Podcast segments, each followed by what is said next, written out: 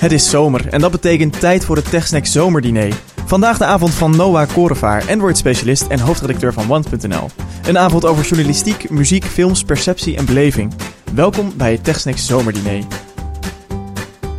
Ja, vanuit de studio in Amsterdam dit keer bij uh, Wayne Parker Kent op het uh, uh, Under Construction.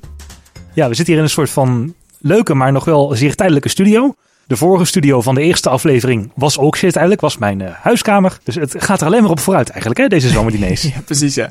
Noah, onze derde gast van uh, deze serie Zomerdiners. In het dagelijks leven, we hebben jou aangekondigd als Android-specialist en hoofdredacteur van Want.nl. Uh, dat is een zustersite van. Nee, dat zeg ik verkeerd eigenlijk. Het is onderdeel van de uitgever waar One More Thing ook onder valt. Correct, correct. Uh, dus jij deelt je cubicle met, met Raymond. Ik zit zelfs naast ja. Raymond. We zitten al de hele dag naast elkaar en dan nu ook nog tegenover ja. elkaar.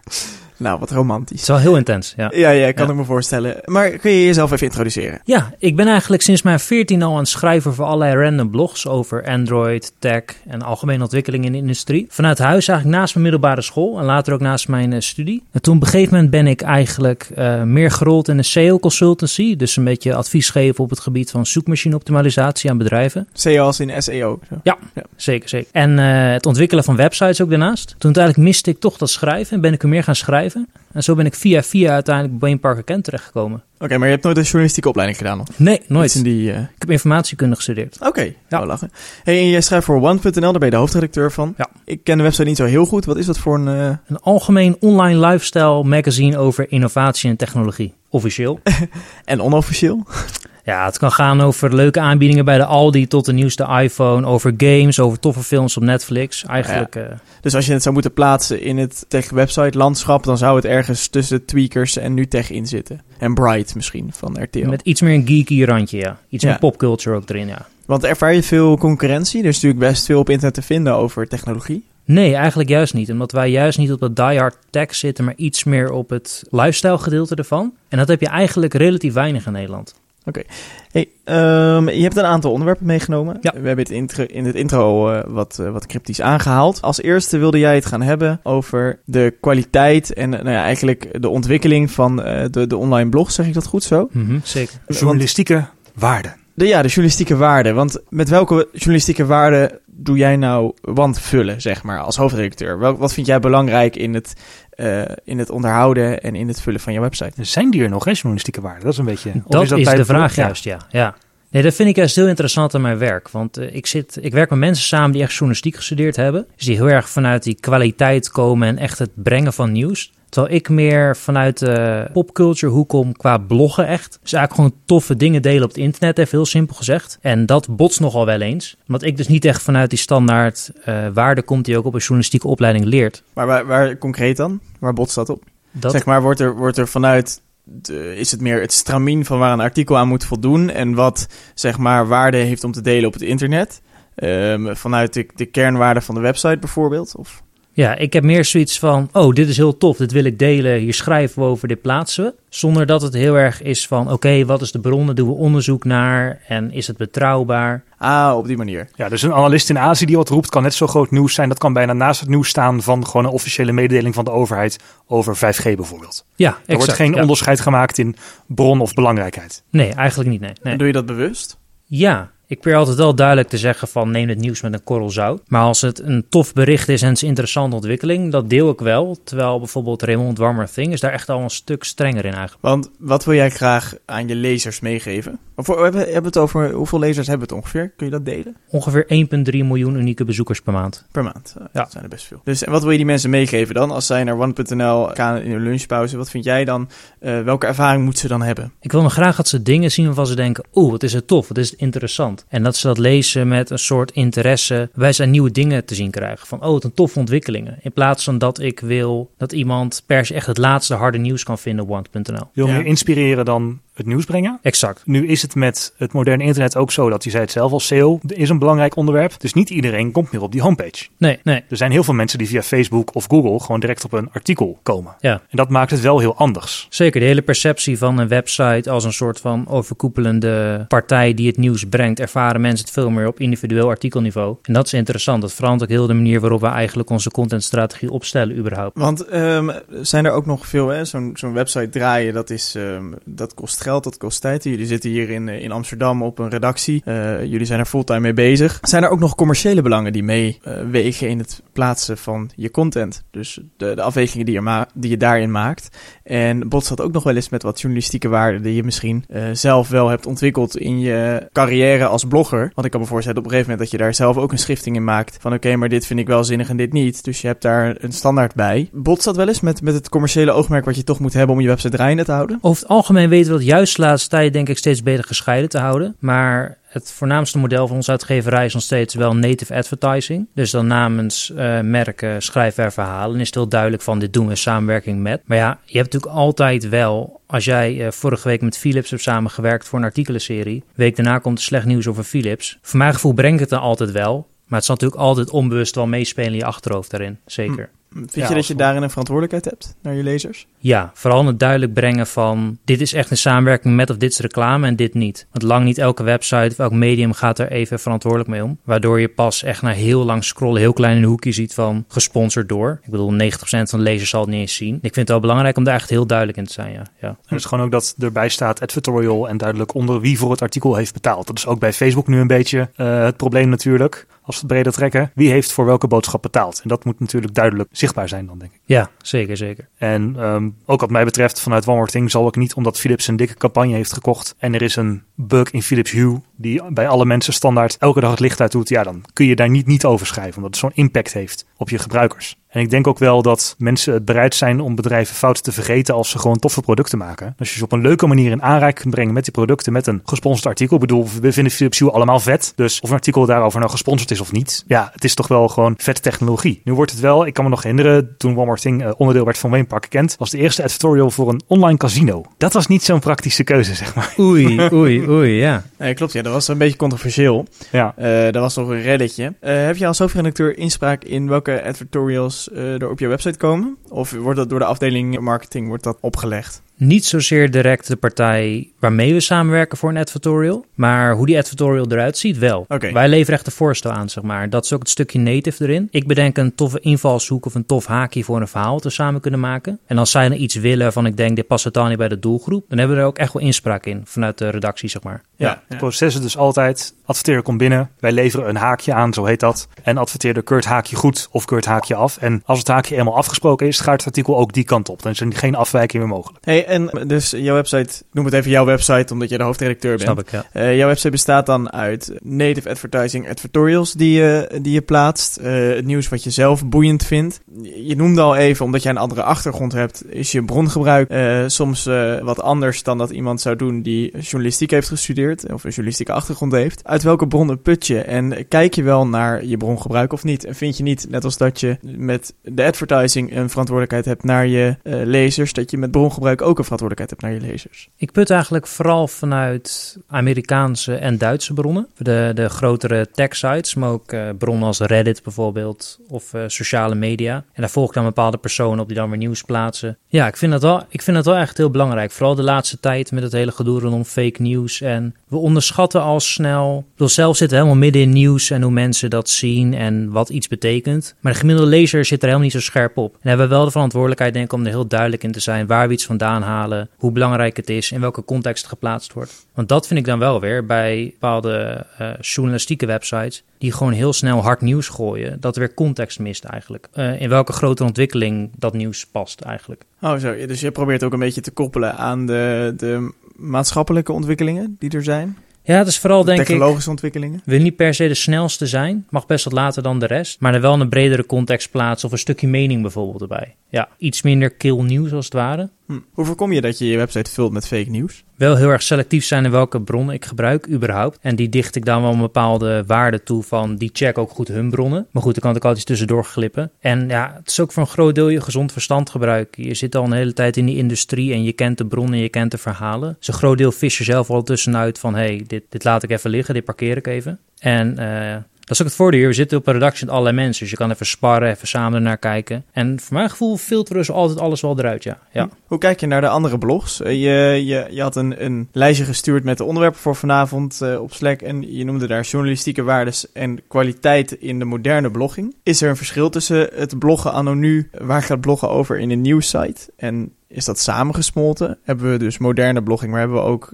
oudere vormen van blogging? Is dat anders? Wel mooi dat we nu al over oude media spreken, maar ook al over oude blogging. Ja, dat vind ik wel mooi. Ja, ja nou, jij stuurt moderne blogging, dus het ja, enige wat ik daar dan... Wat is dan oude blogging? Nee, ik heb denk ik vooral over wat Raymond denk ik al herkent, is hoe het steeds normaler wordt om goedkoop content in te kopen via freelancers, die um, vooral goede tekstschrijvers of vertalers zijn maar die niet per se journalisten zijn. En dat wordt in bepaalde kanalen steeds minder belangrijk voor mijn gevoel. Of iemand ook echt die journalistieke waardes kan nastreven. En vooral hoe lekker schrijft iemand, hoe snel kan iemand schrijven en hoe goed kan iemand vertalen. En wat zijn, wat zijn die journalistieke waardes dan die je dan mist? Ja, toch al wat ik zei, dat bronnen checken, kijken naar het grotere plaatje, kijken naar de kwaliteit van een verhaal. Dat kan ook wel iets heel kleins zijn als spelling natuurlijk, of uh, de opbouw van een verhaal. Wat moderne blogs wel eens verweten wordt, is dat ze eerst drie alinea's onzin schrijven en dan tot de kern komen. Ja. en dat is ook een beetje het SEO gebeuren. Dat mensen denken, oh, mijn tekst moet 300 woorden lang zijn. Maar mijn, eigenlijk mijn kern is eigenlijk echt maar 50 woorden. Dus ik schrijf eerst 250 woorden en dan kom ik eigenlijk pas tot mijn verhaal. Want vanaf 300 woorden verschijn je in Google of zo?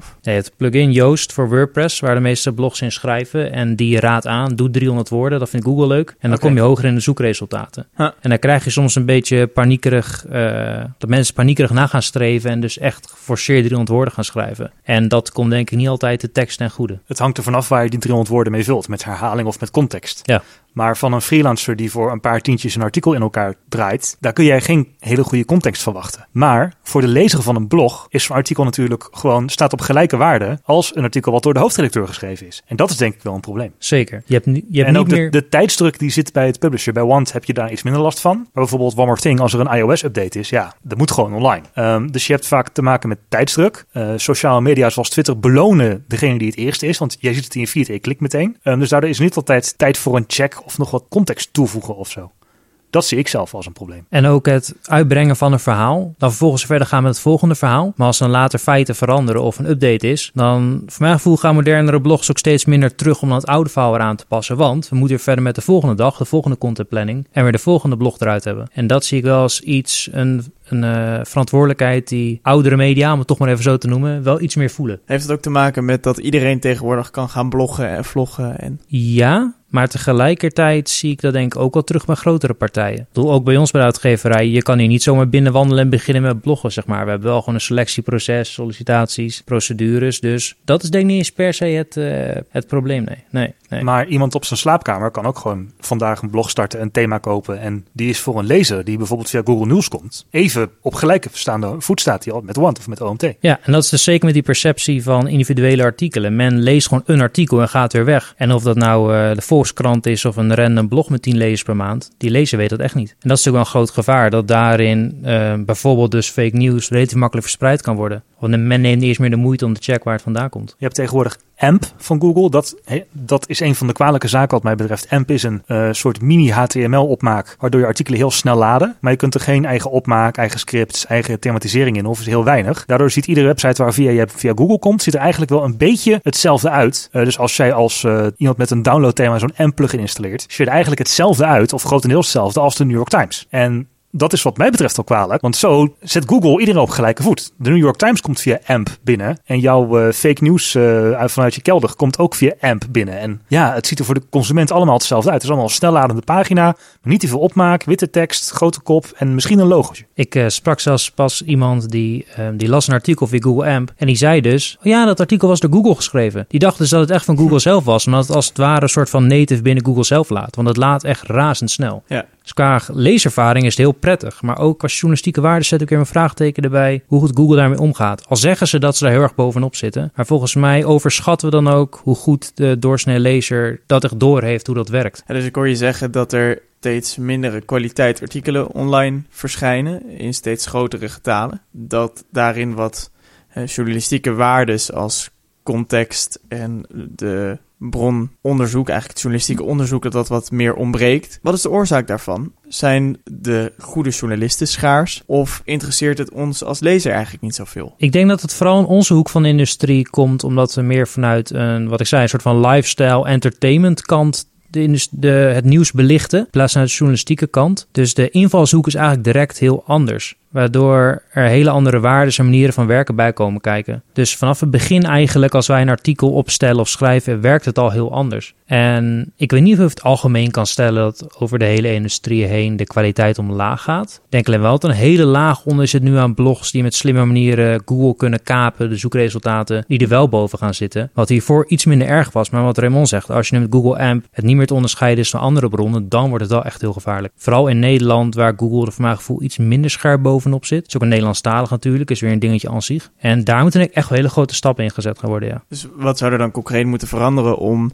dat tij een beetje te keren? Nou, ten eerste dat Google um, nieuwe manieren introduceert waarop content geïndexeerd wordt in de zoekresultaten. Dus um, nog beter kijken naar welke bronnen betrouwbaar zijn en welke niet. Ten tweede ook de herkenbaarheid van websites Google AMP. Ook is maar een logo of een keurmerk of dat soort dingen. Dat er toch iets meer onderscheid komt tussen een random mini-blog en een gevestigde partij. Tegelijkertijd is juist ook wel heerlijk als een soort van democratisch alle twee naar boven kan komen natuurlijk. Want niet alleen maar de bekende namen zijn goed en de kleine niet. Nee, nee, dan heb je natuurlijk ook weer het vrije internet wat onder druk komt te staan. Zeker. En uh, over Google gesproken. Ik zie dat jullie alle twee een iPhone hebben. Waarom eigenlijk geen Android-smartphone? Om uh, even met de deur in huis te vallen. Ja, dat we. Als we een Android-specialist uitnodigen, dan deze vraag hadden we kunnen verwachten. Um, ik wil, mijn antwoord is dat ik nog steeds een keer een Android wil proberen, maar niets me aantrekt om naar Android te gaan. Nu ik helemaal in het Apple-ecosysteem zit. Ik denk dat dat het belangrijkste argument is, ja. Buiten dat ik Apple een leuk, mooi merk vind, uh, dat, ik, dat ik de producten kan waarderen die ze bouwen, denk ik dat ik inmiddels ook gewoon ingegroeid ben in het ecosysteem van Apple. Uh, dus het is, we zijn redelijk gewoontedieren als mens. Ik ben het gewend. Uh, ik weet precies wat ik kan verwachten. Als ik ergens veel geld aan uitgeef, vind ik het fijn als ik weet wat ik ervan kan verwachten. En het integreert gewoon allemaal fijn met elkaar. Dus als ik een andere iPhone in mijn handen krijg, dan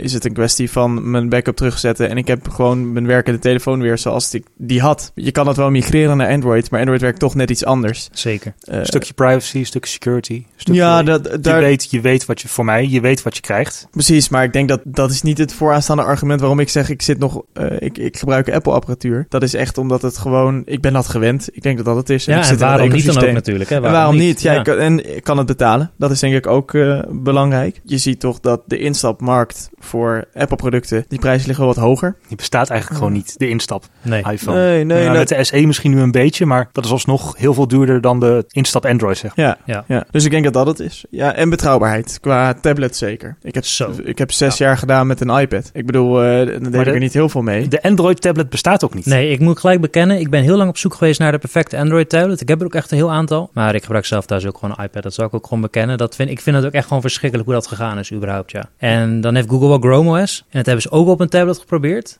Maar dan ook eigenlijk maar half. Dus nee, daar hebben ze nou echt geen goed antwoord op. Daar ben ik helemaal met jullie eens, ja. Hé, hey, maar waarom zou ik dan toch naar een uh, Android-telefoon moeten? Nou, voor mij is het ten eerste een beetje principieel. Dat als ik 900 euro uitgeef aan een telefoon... dat ik niet wil horen van... volgens Apple moet dit zo... Dus dat kan niet zo. Dan wil ik wel de vrijheid hebben om zelf. Google zegt eigenlijk van: oké, okay, jij wil um, maar drie icoontjes op je homescreen en die zijn uh, hartstikke groot. Prima, pas hem maar aan, doe het maar. En dat vind ik gewoon een principieel puntje van: ik wil, als ik zoveel geld uitgeef, wil ik ook de vrijheid hebben om dingen aan te passen. Tegelijkertijd herken ik natuurlijk ook dat 99% van de consumenten heeft helemaal die wil niet, die wens niet eigenlijk. Dus hoeveel heb je aangepast op je huidige Android smartphone? Relatief veel eigenlijk, ja. ja ik pas ja? meteen de, de uiterlijk van de icoontjes aan, de instellingen, de achtergronden, speciale versies van apps met andere kleurtjes. Ja, daar ga ik eigenlijk echt ja, ver in. Dat interesseert mij dan weer niks, weet je. Ik installeer gewoon een app en die moet het doen, of zo. Ja, het moet, ja. Uh, precies. Ik betaal voor dat product zijn. om er geen shit mee te hebben en gewoon van... Oké, okay, jij bent zoals je bent, mooi, ik installeer een app, klaar. Mooi, ik kan met je aan de slag. En ik tweaken en customizen, dat is voor mij aan mij door die besteed. Staat het... Uh, oh, ik ga een quote van onze oude hoofdredacteur aanhalen. Heb je de tijd van je magnetron ingesteld thuis? Nee, ik gebruik ze eigenlijk nooit meer magnetron. Sorry. Oh. Dus het is een Maar, mooie eh, quote, maar hij werkt niet helemaal. Onze oude Koen, van on- onze oude hoofdredacteur, zei altijd... De Apple-gebruiker kun je herkennen aan zijn magnetronklokje. Want dat staat nog steeds op 00000 te knipperen. Dat heeft hij nooit ingesteld. Ja, omdat het allemaal vanuit de, de, de factory moet werken eigenlijk. Ja, omdat het eh, gewoon... Je wil geen gedoe, je wil gewoon inpluggen en gaan. Ja, even terug naar, naar jouw Android-telefoon. Je hebt dus heel veel... Ja, eh, mooie Je vergelijking. kunt het ook gewoon over magnetrons hebben. Ja, ja, ja. Ja, ik, krijg altijd, ik krijg altijd een, eh, een, een verwijt dat ik magnetron verkeerd uitspreek. Magnetron. Eh, ja, Magnetron? eh, magnetron of magnetron. Nou, Oh. Nu kan ik het ook niet meer. eh, en is dat Laurel of... nee, oké.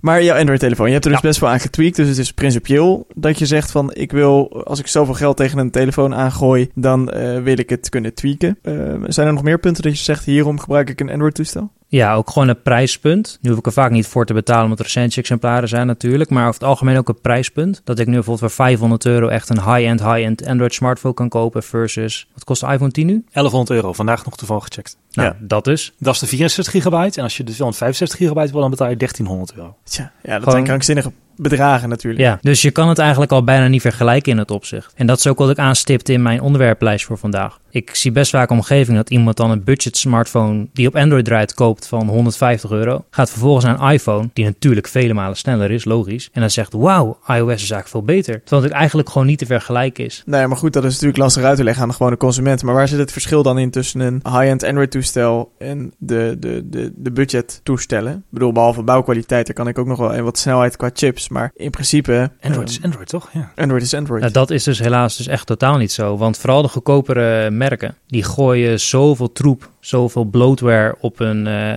Android-versie. Er zit een complete schil overheen, waardoor de gemiddelde consument denk ik ook echt niet de ene versie van Android van de andere... Die ziet niet dat het hetzelfde is eigenlijk. Want fabrikanten gooien eigen design overheen, eigen apps. Bijvoorbeeld, dat vind ik, dat vind ik ook echt het grootste nadeel aan Android hoor. Als je bijvoorbeeld nu een eh, Galaxy koopt, een Samsung smartphone, dat je bijvoorbeeld drie agenda-apps hebt. Eentje van Samsung, eentje van Google en dan soms nog eentje van de derde partij. En die knop, die Bixby-knop. Oh, maar die herprogrammeerde ik toen naar een shortcut naar eh, WhatsApp toen. Toen kon ik heel snel WhatsApp openen. Ah, ja. En dat is dan weer de vrijheid van Android. Ja, dus ondanks dat Samsung zo'n nutteloze Bixby-knop die doet, is altijd wel een tweak of een Ja. mod te vinden die dat dan weer wel En dat vind ik gewoon eerlijke vrijheid. Waarom doen die fabrikanten dat nou? Die drie agenda-apps, twee assistenten, eh, drie camera's. Eh, Wat is daar nou de reden achter? Ja, verdienmodel in veel gevallen. Vooral veel kleine Chinese fabrikanten. Die verkopen zijn toestel tegen kostprijs meestal. Verdienen het geld terug door apps en reclames eigenlijk in hun software te stoppen. Waar die fabrikanten van die apps dan weer voor betalen. Dus heb je eigenlijk een beetje het Windows-model van je krijgt een gratis proefversie van deze virusscanner. En daardoor is deze computer zo goedkoop, omdat eh, die virusscanner 19%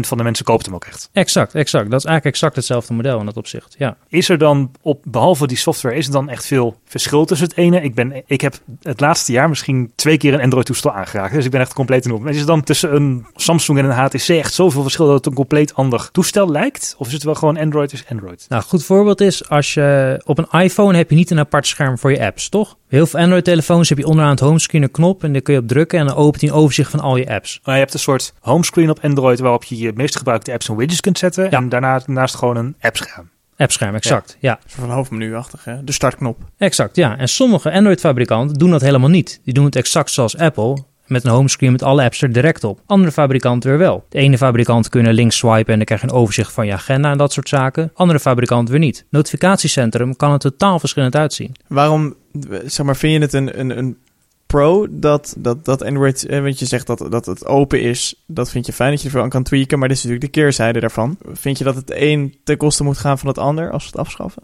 Hoe bedoel je? Nou, ehm, wat zou jij vinden van een koerswijziging? Dat Google toch zegt eh, met Android van... ehm, hè, er, er ontstaat nu zo'n wildgroei onder dezelfde noemer. eh, en dat is niet de kwaliteit die wij bedoeld hebben. We halen, we halen het open, open source idee eraf. En we gaan nu verplichten om alleen nog zonder, hoe heet het, zonder schil van, van, eh, van, de, van de producent, hoe heet het, van de fabrikant... Ja. eh, die Android-versies te shippen. Zou dat een oplossing zijn? Of zeg je van... Ja, ik denk ten eerste dat het gewoon geen optie is. Dat is ook heel Google's verdienmodel. Zijn eigen apps en al die versies van Android. Nu ga ik het zo gevaarlijk zo'n percentage noemen in een podcast die ik niet gedubbelcheckt heb. Maar volgens mij beslaat Android nu 88,5% van de complete smartphone-markt. En door dat opeens te sluiten, niet meer open source te maken, dat Google vooral alles zelf doet of geslotener is. Dat zou zo'n bizarre impact hebben op de manier waarop Android werkt en welke partijen er meespelen. Dat is denk ik gewoon niet mogelijk. Maar je ziet wel dat Google à la Apple nu zijn eigen Pixel hardware uitbrengt. En hiervoor hadden ze een Nexus-serie. Dan maakten dus andere fabrikanten maakten de hardware en Google de software. En dat was dan een hele clean, snelle versie van Android. Helemaal geoptimaliseerd. En nu maken ze ook zelfs een eigen hardware. Google heeft een groot deel van het HTC hardware team ingelijfd. Die maken nu voor Google echt toestellen. Eigenlijk een soort van iPhone, maar dan van Google. En dat vind ik het grote voordeel van iOS. Dat je met mindere hardware alsnog meer eruit haalt door de hoge mate optimalisatie. En dat kun je met Android gewoon minder bereiken, omdat men vaak de hardware zelf helemaal niet maakt. Maar is dat dan uh, de, de oplossing voor dit probleem? Want wat ik je eigenlijk hoor zeggen is dat doordat die goedkope Android-telefoontjes worden vergeleken met iOS, uh, er een oneerlijke vergelijking ontstaat en dat dat de markt voor Android een beetje kapot maakt ten opzichte van, uh, in ieder geval de concurrentiestrijd ten opzichte van iOS. Waarom zou je nog een Samsung kopen, weet je Als je ook een, een Pixel kan kopen van Google. Ja, waarschijnlijk dus omdat Samsung ook een budgetmodel heeft voor 100 euro en Google's ja. Pixels kost ook gewoon 800, 900 euro. En dat zorgt dus wel voor een lastige kwestie van Google. Hoe, ver hoe veranderen ze die perceptie van wat Android eigenlijk is? Als A, mensen niet eens doorhebben dat een toestel op Android draaien. En er hele goede budgetmodellen zijn waar Google eigenlijk amper controle over heeft. Die gewoon niet zo lekker werken. Waardoor mensen toch een slecht beeld van Android krijgen. En uh, zo'n budget Android. Ik heb ooit een Motorola gebruikt. Die was best wel prima. Ja. Een Moto G nog wat. Uh, maar er zijn blijkbaar ook hele slechte budgetmodellen. Ja. En waar zit dat hem in? Ja, opnieuw die bloatware. Och, Dan ja. gooien ze gewoon zo'n dikke laag, zo'n dikke schil eroverheen. Met allemaal extra apps, hele overdreven animaties. Die die hele goedkope hardware eigenlijk helemaal niet aan kan. Waardoor zo'n toestel gewoon een stuk trager wordt. Dat is dus een mooi voorbeeld wat je noemt. Motorola doet dat dus niet. Een van de weinige partijen die op een laag prijspunt toch gewoon heel clean Android aanbieden. Met ook snelle updates. En die toestellen voelen meteen een stuk sneller aan. Soms zelfs een toestel die dubbel zo duur zijn. En die dan wel zo'n Android schil eroverheen hebben. En welke toestellen zou je aanbevelen? Ja, Motorola is de laatste tijd ietsje minder snel met updates. Dus daar ben ik iets voorzichtig mee. Maar ik zou eigenlijk zeggen Motorola. OnePlus. Dat is dan een merk wat wel boven de 500 euro dan meteen zit. En verder, ik vind Samsung eigenlijk ook steeds beter worden. Ja, en Huawei is natuurlijk ook heel erg in opkomst. Ja, daar, ik ben dus echt totaal geen fan van de manier waarop zij met Android omgaan. Qua een eigen implementatie ervan, ook qua schil en apps. Ah, dat is. Ik heb laatst. We hebben laatst zo'n uh, Huawei MediaPad gehad, zo'n tablet. Heb ik ook aan jou laten zien. Ja, dat, is, was die iPad lookalike. Dat is bijna gewoon iOS. Ja, zeker. En ja, daar herken je Android als je zou zeggen het is een soort van Chinese herimplementatie van iOS op basis van de broncode die ooit bij Apple in 2010 is gelekt. Ja. Zo ziet het er een beetje uit, een beetje kinderachtig, een beetje ouderwets. Dan zou ik het ook geloven, weet je wel, ja. Je zou gewoon geloven dat het een totaal ander besturingssysteem is. Ja. En als wij dat Ja. zouden geloven, laat staan een consument die gewoon op zoek is naar een leuke tablet. Ja, Ik heb het al eerder gezegd, heeft de gemiddelde Nederlandse consument nou een Android of een Galaxy? De meesten zullen zeggen, ik heb een Galaxy, wat is Android? Ja. Denk ik dan. Ja. En dat gaat Google's ding, dat gaat wel een mooie strijd worden voor Google van hoe gaan ze dat oplossen. Ja, Google zit best wel een beetje dubbel, denk ik. Die moeten aan de ene kant moeten ze Samsung tevreden houden, die lekker breed wil gaan met Android en een eigen rotzooi eroverheen zet. Of een eigen skin, moet ik zeggen. Rotzooi, misschien vind jij het wel geen rotzooi, dat kan. Ehm, maar je, aan de andere kant vertraagt dat bijvoorbeeld wel beveiligingsupdates. Ja, En Google heeft daar iets aan proberen te doen, volgens mij. Met, hoe heet het nou? Project Treble. Maar dat, Treble, is, ja. dat is niet helemaal uitgepakt zoals het moest, volgens mij. nou het is zelfs uitgepakt zoals het moest, alleen het gaat nu een stuk langzamer.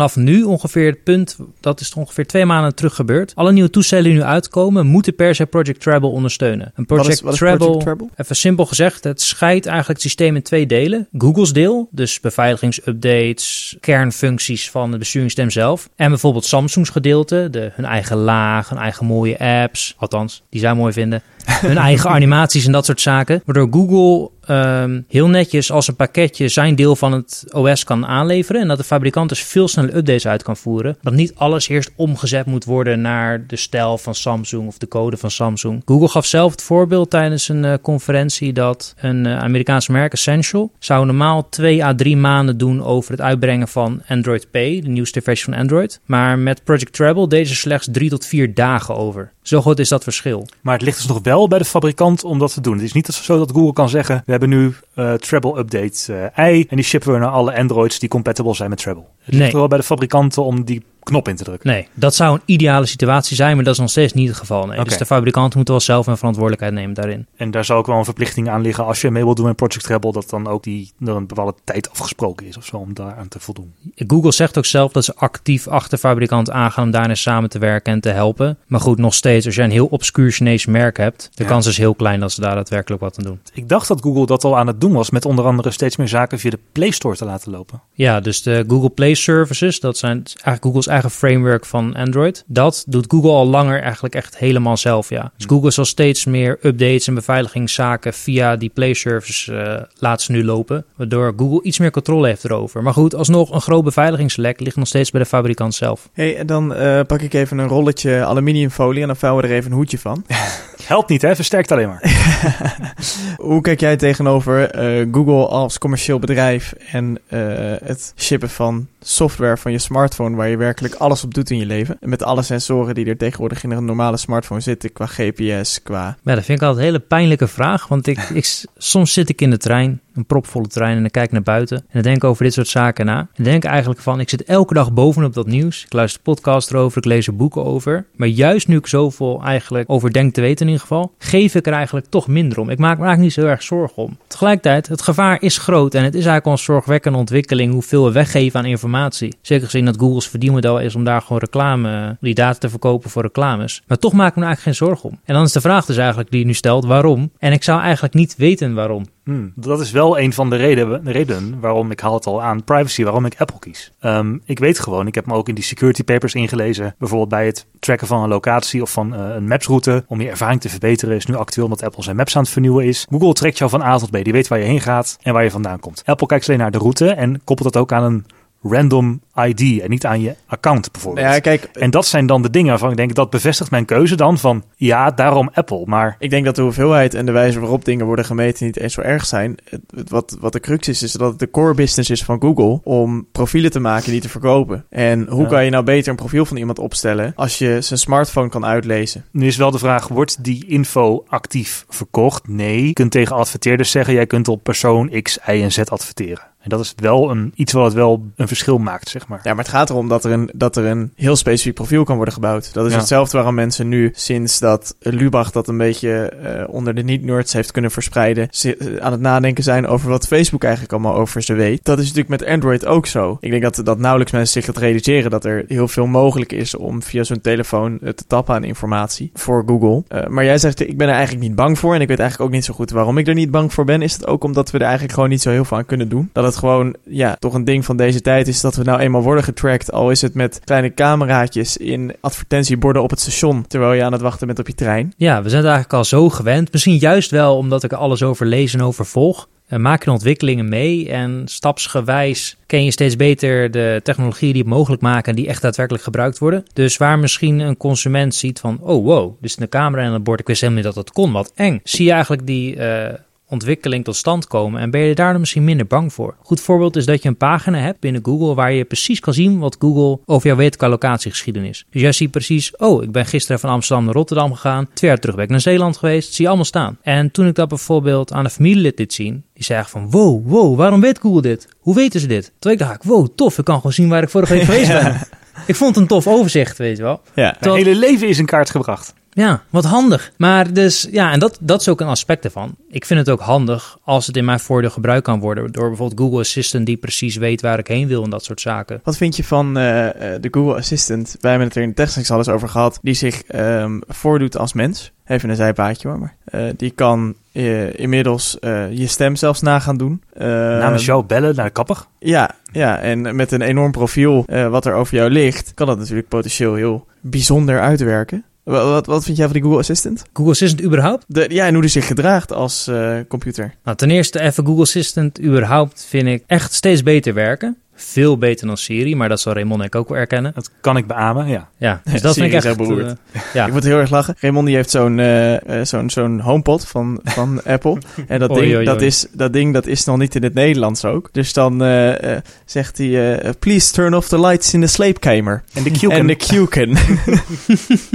2018 mensen. Maar ik vroeg mijn HomePod laatst om hits uit de Zero's af te spelen. Toen ging hij iets van een band afspelen die toevallig Zero's in zijn naam had, weet je wel. Ja. Oh. ja. ja. Mag we terug naar de Google Assistant? Ja. ja, oh ja, Google Assistant, ja. Nee, dus Google Assistant algemeen echt fantastisch product. Zeker als je later het jaar Nederlands gaat uh, spreken. Maar dat uh, Duplex heet het, geloof ik. Die ja. technologie waarmee je die zelf kan gaan bellen. Dan vraag ik me vooral af, hoe gaan ze dat in de praktijk doen inderdaad? Het onderscheid maken. Eigenlijk een beetje wat we zeiden net van advertorials van in samenwerking met. Hoe duidelijk is het dat je met een uh, assistent aan het praten bent? En dat is eigenlijk wel een van de dingen, uitzonderingen waarbij ik denk van oei, dit is wel eng. Tegelijkertijd, dat ik niet zelf in die kapper hoef te bellen, fantastisch.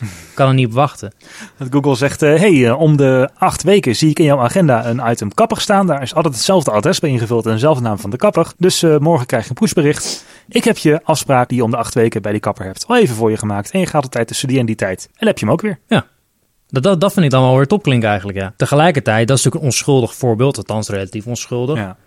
Maar hoe breed dat gaat en hoe ver Google daarin gaat, dat vraag ik me af. Ik dacht ook eerlijk gezegd toen ze het lieten zien, dat het een soort van tech-demo was van iets wat eigenlijk niet zo heel ver is. Maar goed, ze hebben een paar weken terug allerlei Amerikaanse en Duitse journalisten het laten testen. Die mochten ook daadwerkelijk met Google System praten via dat systeem. En dat werkt gewoon echt wel heel goed. Dus ik denk, dit verdwijnt gewoon een paar jaar en komt dan weer terug van, wow jongens, het werkt nu echt helemaal goed, we gaan het uitbrengen. Maar het is blijkbaar verder dan we dachten. Hm. En dan denk ik wel van, wie pakt hier echt goed de verantwoordelijkheid in en hoe gaat zich dit ontwikkelen? Ja, het lastige is dat eh, wet en regelgeving altijd achter de technologie aanloopt. Zeker. En hier ook. En eh, dat dit mogelijk nog wel potentieel gevaarlijk kan zijn. En Ja. het nadeel is wat me betreft ook dat Google een soort van blinde vlek voor het sociale heeft. Ik vind Google op innovatief gebied en op de diensten die ze bieden een Ah, tof ze hebben bedrijf. heel erg hun best gedaan met alle social eh, hangouts en circles. En Ja, maar als het op het, het menselijke aankomt, dan is, heeft Google echt een blinde vlek of zo. Welk bedrijf bedenkt er nou om tijdens zijn ontwikkelaarsconferentie, zonder enige context, zo'n assistent die zelf belt als demo te laten zien? Zonder al te veel toelichting, gewoon van, yo, hey mensen, we hebben dit en eh, kijk hoe vet het is. Oké, doei. Hoe kun je dat nou zonder additionele toelichting te geven of allerlei maatschappelijke vraagstukken die mensen gaan zeggen? Hoe kun je dat nou doen? Ja, de afdeling ethiek is niet heel groot Nee. hier bij Google. Nee, ja, dat, is wel grappig. Alsof het toch een soort van meer klein nerdy clubje is. Van, jongens, kijk wat tof wat we hebben ontwikkeld. We Ja. laten Ja. het zien. Ja. Ja. Van zo'n bedrijf verwachten, ik weet, ja, dat vind ik raar, weet je wel. Zeker anno 2018 met privacyvraagstukken en vooral omdat het hele Facebook gebeuren toen al bezig was, dacht ik toch van, hmm, wie heeft dit goedgekeurd, weet je wel? Heeft die Satya, nee niet Satya Nadella, eh, andere Indiër, heeft die Sundar Pichai dit dan gewoon gevetood van, nee, dit moet er echt in? En is er niemand binnen dat bedrijf die heeft gezegd, ho guys, stop, uh-uh, meer context. En dat dat bedrijf dan je telefoon maakt, ja, ja, ik vind het moeilijk. Ja, ik, ik snap het helemaal. Ik beaam het helemaal. Dat is het grappige. Het zijn gegevens... Want van datzelfde bedrijf heb jij ook 24-7 een telefoon op zak. Ja, maar tot nu toe, on, ja, dat is eigenlijk het hele naïef hierin. Tot nu toe ondervind ik daar eigenlijk alleen maar voordelen van. En vind ik het Hmm. een fantastisch eh, besturingssysteem. Zal er een kantelpunt komen? Dat je niet meer alleen positieve dingen gaat zien, maar dat er ineens dingen gebeuren met jouw gegevens die je eigenlijk niet wil? Ik denk zodra Google Assistant nog proactiever wordt. Nu is ze relatief proactief op een fijne manier. Dat die dingen automatisch al voor je regelt. Bijvoorbeeld als je bijna naar bed wil gaan, dat hij ehm, je night filter op je telefoon aanzet. En dat hij doorheeft, oh ja, over het algemeen ga je nu naar bed toe. Dat is fijn. Maar wat Raymond net noemde, dat voorbeeld van de kapper. Wat nou als ik een keer besloten heb van ik laat mijn haar wat langer groeien. Ik wil niet naar de kapper om de acht weken. Maar hij heeft dan afspraak gemaakt. Tot in hoeverre wordt Google Assistant proactief met jouw informatie gebruiken en daarop acteren? Dat is de vraag. Vooralsnog niet heel erg proactief, omdat het waarschijnlijk nog niet eens mogelijk is. Maar als het wel mogelijk is, krijg je dan de controle over. Tegelijkertijd, tot nu toe kreeg je daar bij Google's besturingssysteem daar wel de controle over, ook qua tweaken en dat soort zaken. En bij Apple niet. Dus misschien wordt Siri daar wel vervelender in de Google Assistant, ik weet het niet. Maar dat wordt wel interessant denk ik in de komende jaren, om te zien hoeveel controle je als gebruiker daar ook over krijgt. Over hoeveel Google Assistant mag, überhaupt. Gaat het algoritme je leven bepalen? Of moet jij nog het algoritme soort van op bepaalde stappen zeggen ja of nee? Weet je wel? ja, Dat een soort van modules. Dat zou fijn zijn. Dat je gewoon kiest van, oh, de kappermodule, hij gaat de kapper Ja. bellen, zet maar aan. Hey, maar hoe, van de, hoe- de kinderopvang blijf je af, Google Assistant. Exact, Ja. exact. Hoe ehm, flexibel zullen die algoritmes zijn? Kijk, voor, voor jullie is het natuurlijk redelijk makkelijk toepasbaar. Zo'n zo'n Google Assistant die zegt van, je gaat eh, om de vier weken op vrijdagmiddag ga je naar de kapper. Want je hebt op vrijdagmiddag altijd, dan zit de rest hier eh, bij WPK aan de nieuwe bar te borrelen. en eh, dan kun je wel naar de kapper. Perceptie van het bedrijf staat meteen goed hier. dan, dan sla je die borrel een keer over. Ik heb natuurlijk een leven wat volledig onregelmatig is vanwege mijn werk. Ehm, Nachtdiensten, dagdiensten, middagdiensten, jij doet alles. Ja, precies. Dus ik ben, wat dat betreft zit er, is er weinig te leren. Ik zou ook niet zoveel hebben dan aan een Nest thermostaat bijvoorbeeld. Die op standaard momenten mijn, mijn verwarming aan en uitzet. Want soms wil ik, eh, ik, had, ik had dat laatst, het was heel stom, met mijn boiler. Ik, heb, ik ben dus sinds kort verhuisd, ik heb een boiler. En ik had dat ding overdag eh, eh, blijkbaar leeggetrokken. Want ik had het veel schoongemaakt en gedaan.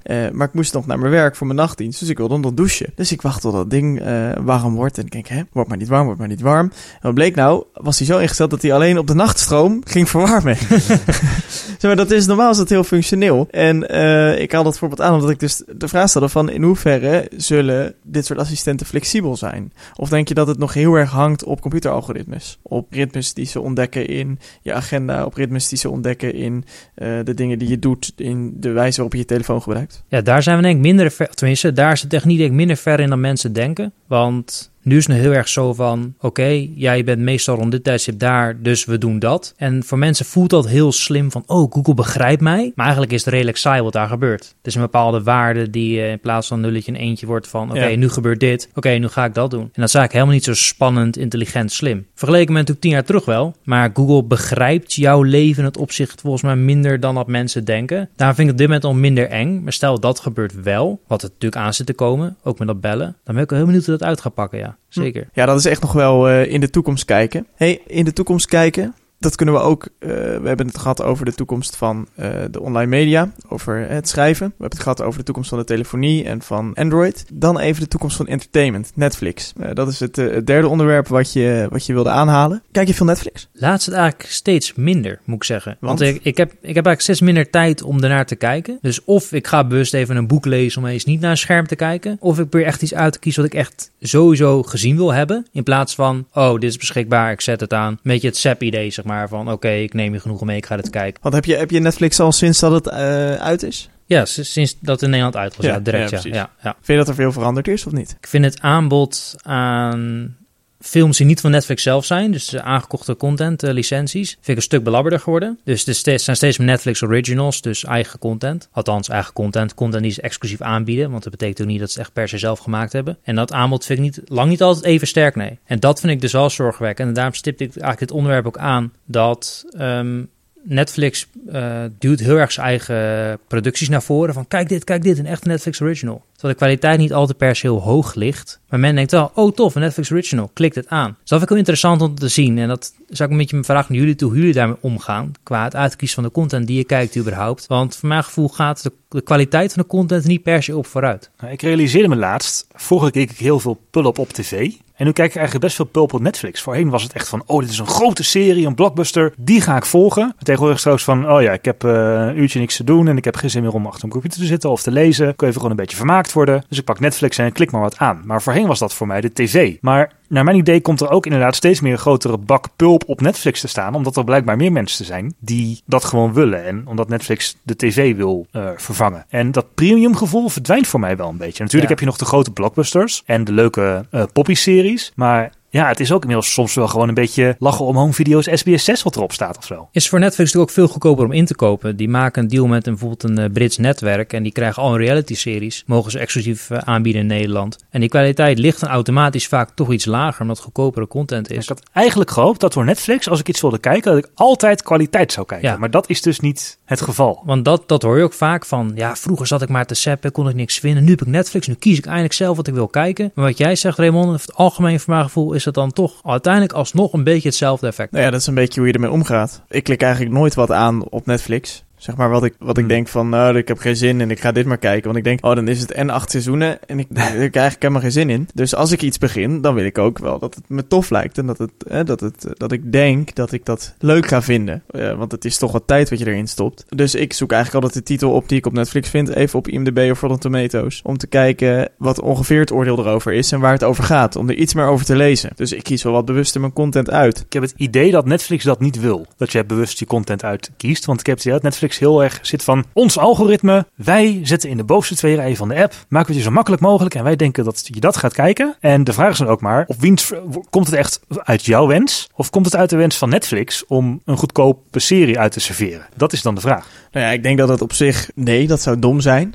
Als zij direct een goedkope serie promoten. Want Netflix, die moet jou binnenhouden. Dus Netflix zal als eerste eh, wat in ieder geval tot de verbeelding sprekende titels naar voren duwen. Dat doen ze in hun Smart TV apps doen ze dat ook. Ze hebben nu, eh, op het moment dat je die app start, dan start meteen de trailer ook. Volgens mij is dat op eh, de Apple TV ook zo inmiddels. Dus dan heb je direct die, die, die live trailers eh, als je je cursor laat staan op een titel. Mhm, Ja, klopt. Ze moeten, ze moeten jou grijpen binnen hun platform. Dus ik geloof niet dat Netflix wat pauper spul naar voren duwt. Waar dat wel naar voren komt, is het moment dat je iets afgekeken. Dus je bent klaar met de serie. En dan staat de suggestie ernaast om door te kijken naar een andere serie. En daar denk ik dat een, een duwtje wordt gegeven van hier, kijk hier ook even naar. Of dit, is, dit is ook leuk. Daarbij staan volgens mij vooral series eh, bovenaan waarbij Netflix hoopt dat het spraakmakend is. Zo heeft eh, Friends heeft een hele tijd volgens mij bij veel mensen bovenaan gestaan. Eh, La Casa de Papel is een goed voorbeeld wat actief gepromoot werd binnen de Netflix medium. Dus het het idee waarvan ze bij lancering mee kwamen, dat ze zeiden van als jij je titels waardeert uh, en wij kijken naar je kijkgedrag, dan gaan wij jou adviseren van wat jij moet gaan kijken. Dat is volgens mij wel een beetje weg. Volgens mij is er wel, is er, is er zeker sturing vanuit Netflix wat jij te zien krijgt bovenaan, maar is dat veel meer gericht op uh, het gesprek worden bij het koffiezetapparaat. Ik hoop dat dat zo is, want zeker weten kunnen we het niet. Nou, ik, ik merk het op mijn werk. Ik merk het uh, letterlijk bij, in de koffiekamer over welke serie er gesproken wordt.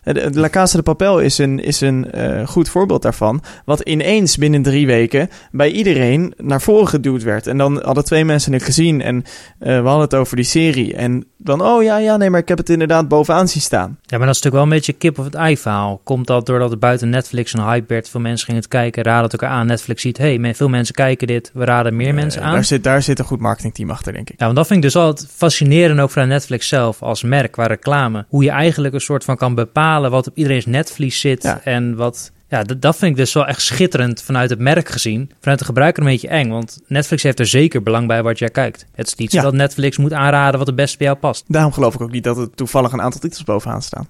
Maar nu zijn het dus kwalitatieve titels, maar ja, blijft dat ook zo? Is altijd is de vraag. Ik denk dat ze wel moeten. Om, om binnen uh, het platform te houden, moeten ze wel een aantal titels hebben. Waarom hadden mensen nog HBO? Omdat Game of Thrones Ja. erop stond. Ja. Op het moment dat je dus je goede titels kwijtraakt, dan ga je, dat, uh, ga je, ga je die wedstrijd ga je verliezen. Van wie? Videoland. Ja. Nee, mm. dat betwijfel ik. Mm. Ik denk dat Netflix momenteel heel weinig te vrezen heeft. Ik denk het nu nog wel. Ja. Maar als jij zegt, uh, dit, dit, is een langere termijn. Ik hoor ineens veel meer mensen op, over Videoland. En dat komt omdat Temptation Island erop staat.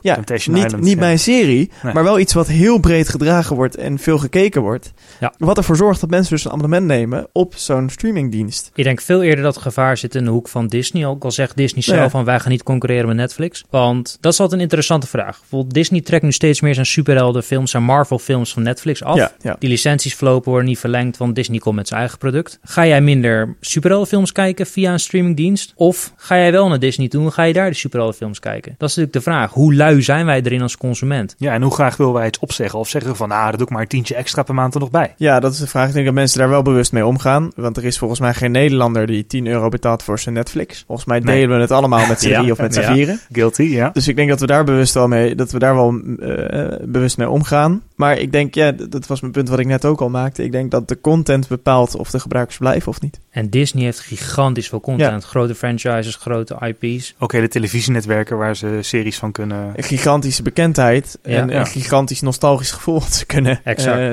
aanspreken bij menig twintiger en dertiger wat er toch mee opgegroeid is. En dat is dus denk ik het ding. Het gevaar vanuit, voor Netflix vanuit Disney is denk ik gewoon de franchises, de content die ze hebben. En vanuit Apple dat Apple natuurlijk op veel meer paarden kan wedden. Wat pas al nieuws was dat Apple waarschijnlijk zijn diensten wil gaan bundelen. Je bijvoorbeeld één groot abonnement hebt, net als Amazon Prime. Bij bijvoorbeeld Apple Music en Apple Video hebt. En Netflix is echt puur afhankelijk van Netflix. Apple kan dus noods minder winst maken op Apple Video en het op een ander gebied weer binnenhalen. En wat je zegt, is vooral een game natuurlijk op de lange termijn. Wie gaat winnen? En dat wordt denk ik echt wel heel interessant. Welke grote streamingdienst gaat het worden? Amazon Prime is er ook al in Nederland, hè? Ik ken niemand die het heeft. Nee, maar, ik ken eh, ook niemand die het heeft. Maar ze hebben wel Emmy Awards gewonnen en zo, blijkbaar. Ja. Blijkbaar hebben ze goede content. Uh, Maar- Amazon is natuurlijk buiten Nederland veel groter dan Ja, binnen Nederland. Dus het, qua platform, ook met Kindle. En dat, er zijn nog steeds weinig Kindle-gebruikers in Nederland volgens mij. ja, en ook weinig eh, mensen die al bij Amazon shoppen in Nederland volgens Ja. mij. Amazon Prime Day is binnenkort ook in Nederland, hè? Oké.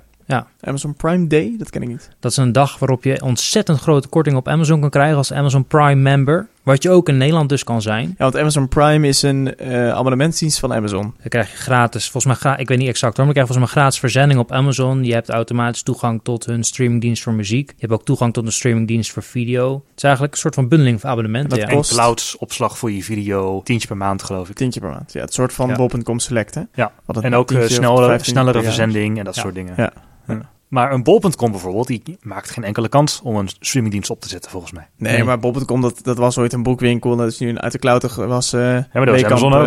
eh, Ja. ja, ja, maar ik bedoel, die zijn toch niet die content kant op gegaan. Nee, Die zijn, die zijn meer de Coolblue kant op gegaan. ja. Met een shop voor alles. Ik denk dat daar geen concurrentiestrijd ontstaat tussen Amazon of Bol.com of een andere webwinkel in Nederland. Ik denk niet dat, dat, dat, daar de, uh, dat we daar websites voor hebben die die core business hebben.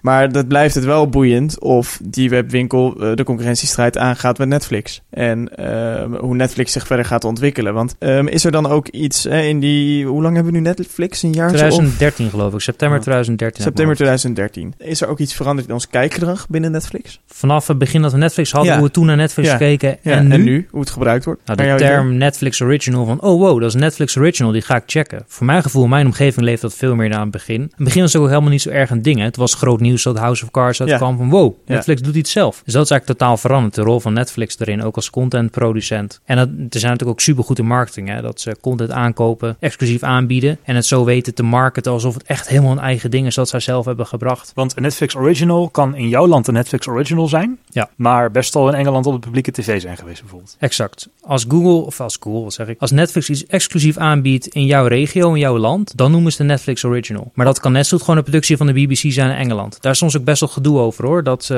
er was naar mijn, ik meen geloof ik, een BBC-productie van een jaar terug, die Netflix als Netflix Original bracht. En dat de producenten van de serie ook best boos waren. Dat Netflix het als daar een soort van claimt, als een soort van keurmerk. Van, wij maken dit en Ja. het is goed. Dat het eigenlijk dus helemaal geen Netflix-productie was. En wat nou als Netflix een Spotify'tje poelt en eh, net als in Spotify de afgelopen dagen met Drake heeft gedaan, overal een nieuwe serie aan gaat bevelen. Gaan ze dan de grens over? Dat is misschien wat Maarten net zegt, hè, met, dat, eh, met die Spaanse talige serie. Dat is eigenlijk een beetje hetzelfde. Als je het overal terug laat komen. Ik, ik denk het wel. Ja. Ja. Ik, en ik denk dat daar, want ze moeten wel, want daar is natuurlijk het commerciële belang van Netflix. Eh, ik, denk, ik denk dat daar echt wel marketingtechnisch over nagedacht wordt. Dat bepaalde series die spraakmakend kunnen zijn, worden gepromoot. Om te zorgen dat door dat koffieautomatengesprek er nieuwe Netflix-klanten bij komen.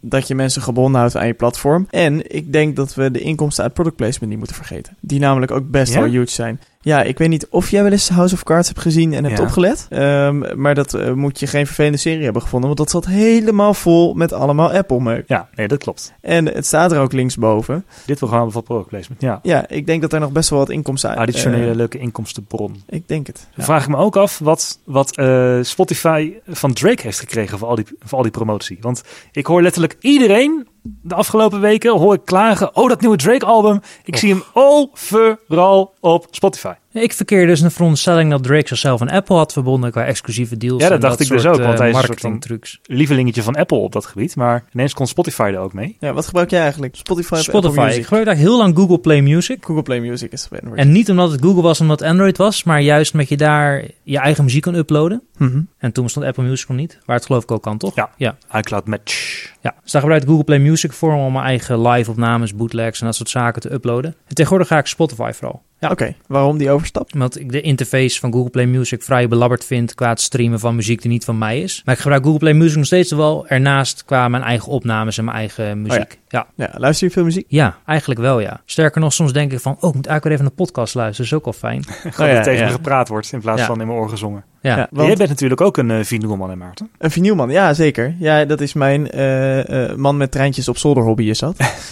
Nice. ik, eh, ik spaar plaatjes eh, met veel plezier. Maar ik, daarnaast ben ik groot, eh, groot gebruiker van Spotify. Ik vind de, de muziek op vinyl vind ik eh, leuk omdat, het, omdat ik het mooi vind om muziek van vinyl te horen. Ik vind daar toch de, de, de klanken vind ik, ja, net wat toffer. En ik vind het gaaf om mee bezig te zijn. Om, eh, ik hou ook bij wat ik aan platen heb op eh Discogs. Mhm. Zo'n website, Mhm. eh, een van de grootste catalogie, online catalogie voor vinyl. En tevens een marktplaats waar je heel Dan veel kun je ook zien wat je collectie waard is. dan kun je ook zien wat je collectie waard is. Ah, ja, ja. ja, dat is wel Miljonair? Eh, nee, nee, maar ik zou er wel een leuke iPhone 10 van kunnen kopen, denk ik. Ah. ja, precies. Ja. De 256 gig. Eh, ja, ja, ja. Nee, dus dat is leuk, want ik vind het ook gaaf om bepaalde muziek in de kast te hebben. Dus als ik een, een nieuw album van een eh, artiest eh, echt heel goed vind, dan koop ik het ook op vinyl. Dus ik stream het op Spotify gewoon onderweg. Want, en dan thuis heb ik het dan op vinyl. Dat En ook leuk. het tactiele ervan, hè? de ervaring Ja, van het ja, ja, ja. opzetten. Ja, ja. Het- En, en het afluisteren van een album. Dat vind ik iets wat, wat op Spotify heel snel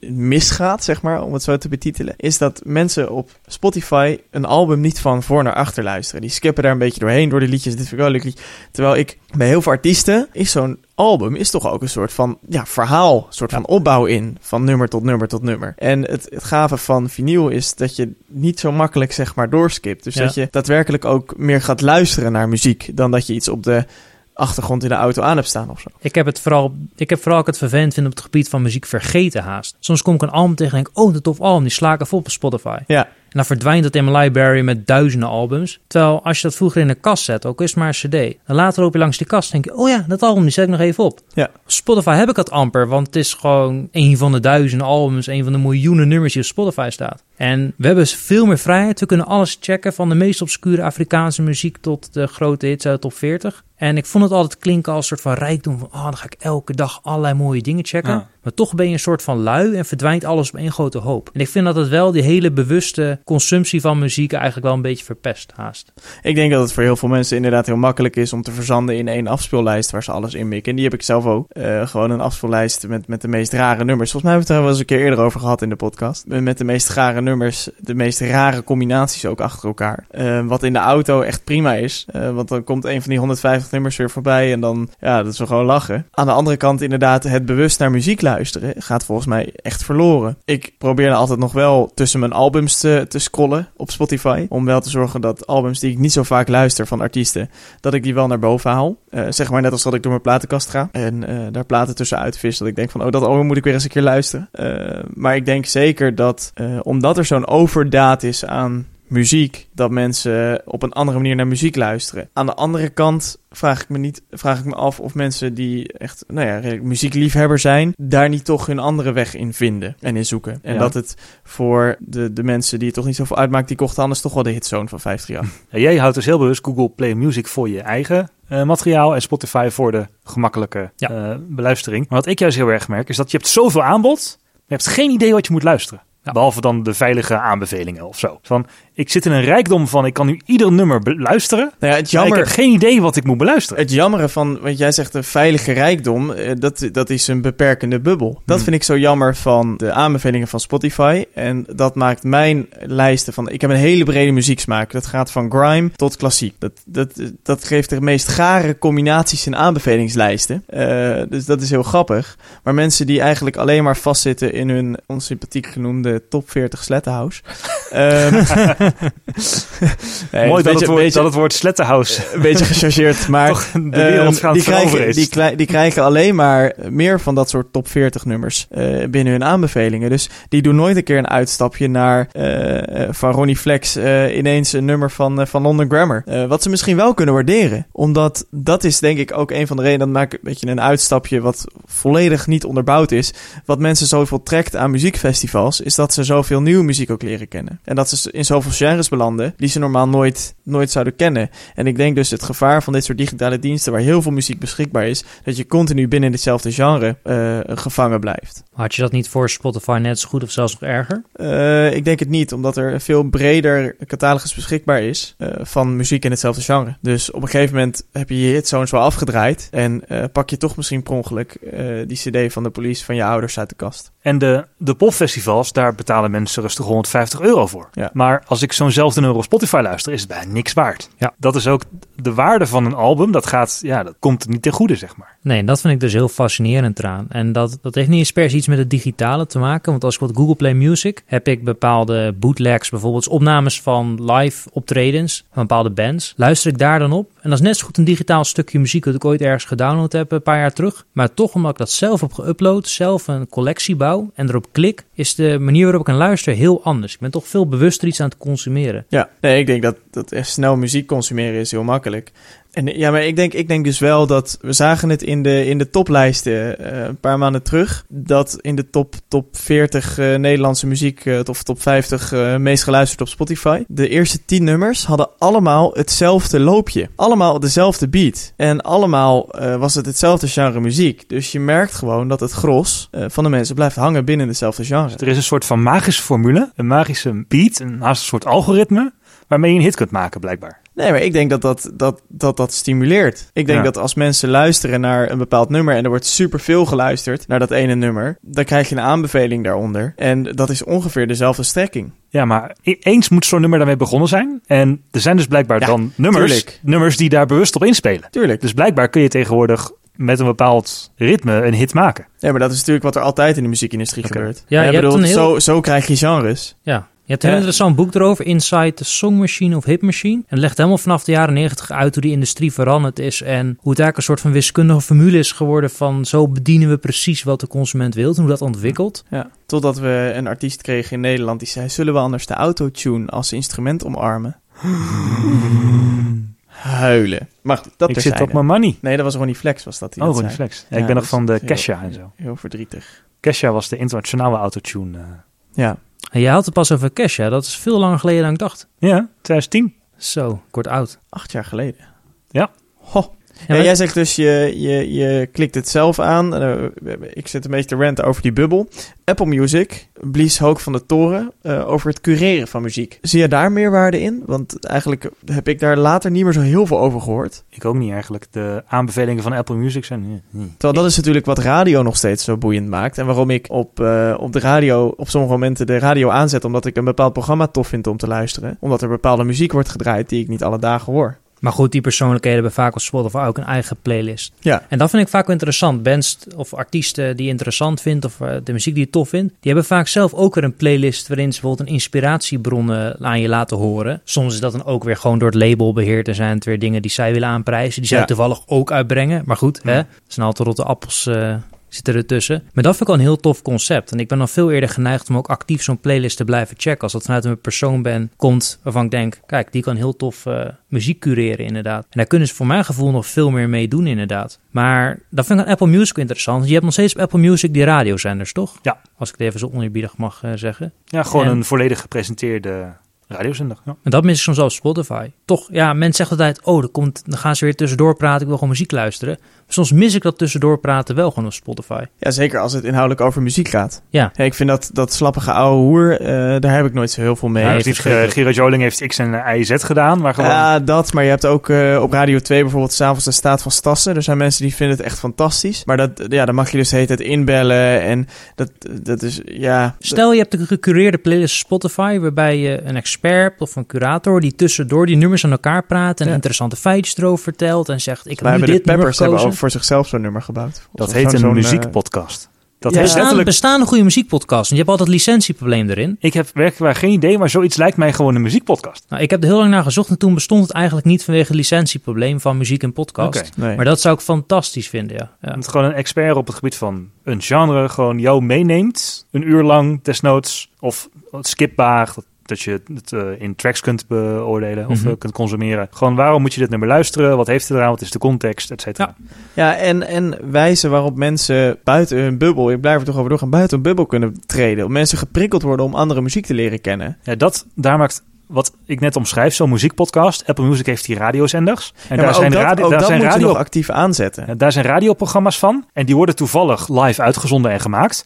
Dat is eigenlijk zo'n muziekpodcast. Maar dat draait dan vaak wel om een celebrity. Dus dan heeft Elton John heeft zijn muziekuur, weet je wel. Waarin hij gewoon platen draait en vertelt waarom hij dat vet vindt. Maar het draait altijd heel erg om... Oh, ik vind Elton, Elton John tof. Dus ik zal dan ook wel de muziek die Ja. hij luistert tof vinden. Dat is niet echt... Want ik vraag me af hoeveel, mensen, Nee. hoeveel mensen nog samen eh, met vrienden naar muziek luisteren. Ik heb een aantal vrienden die ook allemaal vinyl verzamelen en die nog veel grotere collecties hebben dan dat ik ze heb. En dan hebben we nog wel een avondje met een, met een koud pilsje of een glas whisky en een aantal nieuwe platen die er, die er zijn uitgekomen of die iemand... En dan leer je ook weer nieuwe muziek kennen. Dus hoe blijven mensen geprikkeld om nieuwe muziek te leren kennen, nieuwe artiesten? En eh, niet alleen maar te blijven hangen bij eh, Broederliefde en Ronnie Flex. Maar en, willen eh, mensen dat? Dat is natuurlijk ook met Ja. ons Netflix, wat we net van Netflix zeiden, het, het idee. Heel veel mensen willen gewoon vermaakt worden en dan is het prima. Niet iedereen wil een stukje hoogstaande culturele versnaperingen hebben. Vertrouw het algoritme en het komt goed.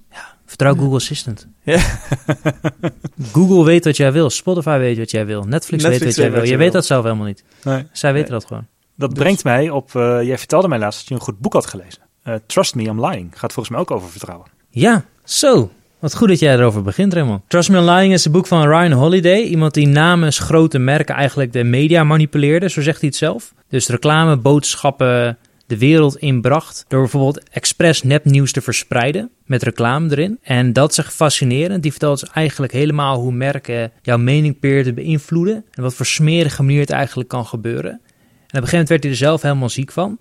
En hij heeft ook een boek over geschreven, hoe hij eigenlijk naar de andere kant van de industrie is gegaan. En nu eigenlijk iedereen juist wil vertellen van, hey, zo word je beïnvloed. En Dat is ook vanuit ons werk bij een uitgeverij slash media bureau slash Reclamebureau. slash podcasts gebeuren slash nog wat.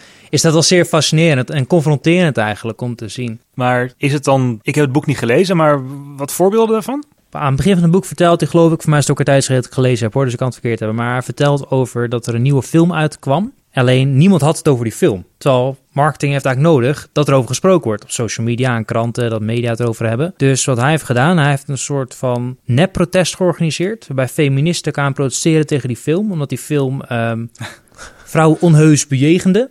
Ah. Vervolgens is hij onder een ander e-mailadres allemaal media gaan mailen van... hé, hey, er wordt een protest georganiseerd daar, moet je vandaag gaan kijken. Oh, wat is het een slechte film, wat is erg die film. Hij is zelf daar gaan aanwakkeren, die woede. Ah. Ja, slechte reclame is ook reclame. En zo heeft dus eigenlijk die film heel populair weten te maken in Amerika. Gewoon een wat kleinere indiefilm, geloof ik. Maar die is toen daar lokaal heel populair geworden. Dat men er toch over ging praten. Hoe ver merken gaan daarin om gewoon nieuws te verspreiden? Dat is zelfs voor ons, ook al zitten wij er eigenlijk middenin, soms nog echt dat je denkt van wow, oké. En dat gaat in Amerika waarschijnlijk nog een stuk verder dan in Nederland. Ja. Maar Ik kan me één voorbeeld uit Nederland herinneren. Eh, Tony Chocoloni ging naar de beurs. Ze gingen naar de beurs van Berlage voor een of andere, helemaal niet zo boeiend. Ging naar de beurs van Berlage voor een expositie of een goed doel waar ze zichzelf aan hadden gekoppeld. Maar tegen de media hadden ze alleen gezegd, Tony Chocoloni gaat naar de beurs. En daar is NRC ingetrapt, eh BNR ingetrapt, RTLZ ingetrapt en ook de NOS ingetrapt. Ja. Dus hebben we dan, dat is dat soort waar je aan moet denken. ja, dat boek zit eigenlijk vol, zit vol met dat soort voorbeelden eigenlijk, ja.